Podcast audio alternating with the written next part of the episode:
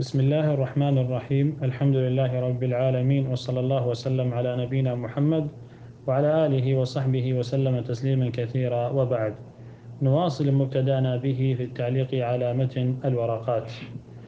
ووصلنا إلى باب الأمر. قال المؤلف والأمر استدعاء الفعل بالقول ممن هو دونه على سبيل الوجوب. هذا تعريف الأمر. قوله استدعاء أي طلب ويشمل الأمر والنهي.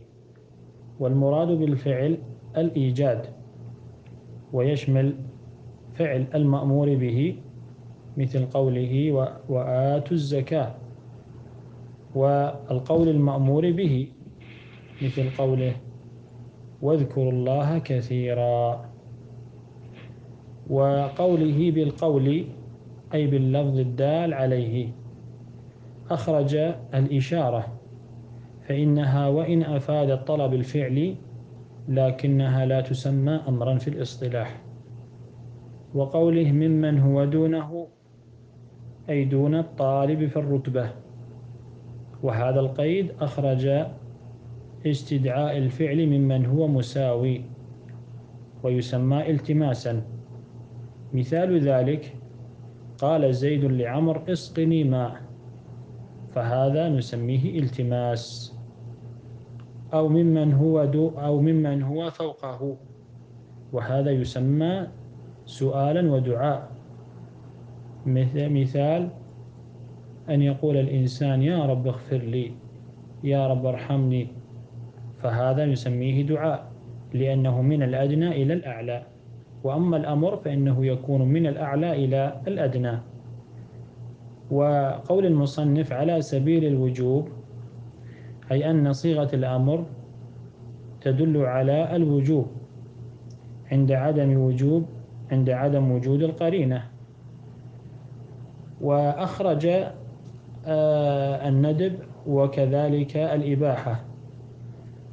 أخرج الندب وأخرج الإباحة. والدليل على أن صيغة الأمر تقتضي الوجوب قال تعالى أقم الصلاة لدلوك الشمس. قال تعالى وأقيموا الصلاة وآتوا الزكاة. فدلت الآية على أن الأمر يدل على الوجوب. وقوله والصيغة الدالة عليه افعل. آه، شرع المؤلف في بيان صيغ الأواء في صيغ في بيان صيغة الأمر. والأمر له صيغ تدل عليه. الأولى افعل مثل قوله أقم الصلاة لدلوك الشمس.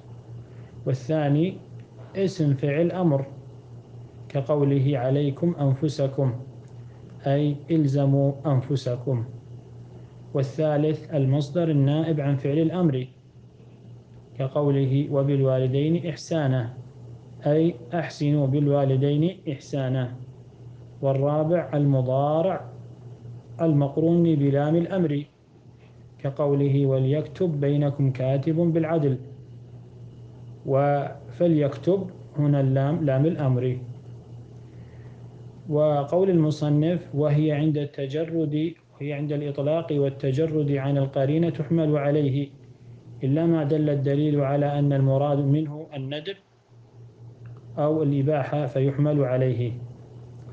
أراد في هذه الجملة أن يبين لك أن أن صيغة الأمر عند الإطلاق تدل على الوجوب إلا إذا جاءت قرينة كالندب فإنه يحمل على الندب كقوله تعالى كقوله صلى الله عليه وسلم صلوا قبل المغرب صلوا قبل المغرب.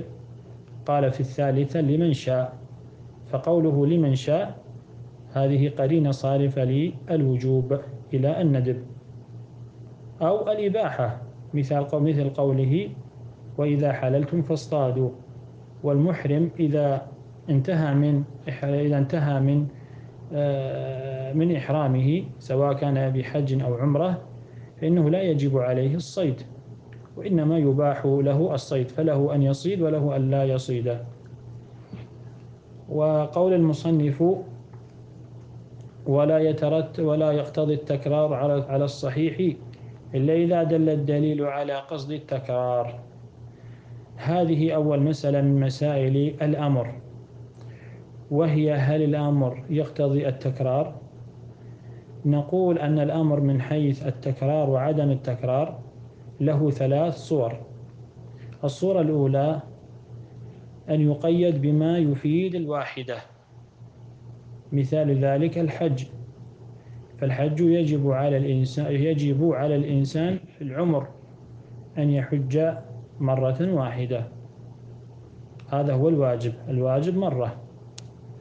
وثانيا والصورة الثانية أن يقيد بما يفيد التكرار.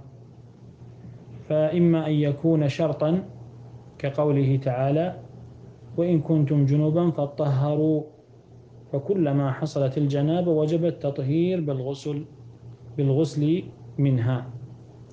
أو يكون صفة كقوله تعالى والسارق والسارقة فاقطعوا أيديهما فكلما حصلت السرقة وجب القطع وجب القطع. والصورة الثالثة هو الأمر المطلق الذي لم يقيد لا بالمرة ولا بالتكرار. فهل يقتضي التكرار أو لا؟ اختلف العلماء. فمنهم من قال أنه يقتضي التكرار واستدلوا بأن الأمر كالنهي كما أن النهي يفيد الترك على آه، الاتصال أبدا فكذلك الأمر يقتضي وجوب الفعل على الاتصال أبدا. والقول الثاني أن الأمر لا أن الأمر المطلق لا يقتضي التكرار لأن ما قصد به من تحصيل المأمور به يتحقق بالمرة الواحدة. والأصل براءة الذمة. واختار المصنف قوله ولا يقتضي التكرار على الصحيح. هذا الذي اختاره المصنف. أن الأمر المطلق لا يقتضي التكرار. وذلك لأن صيغة الأمر لا تدل على إيقاع المأمور به أكثر من مرة. أكثر من مرة. هذا وصلى الله وسلم على نبينا محمد وعلى آله وصحبه وسلم تسليما كثيرا.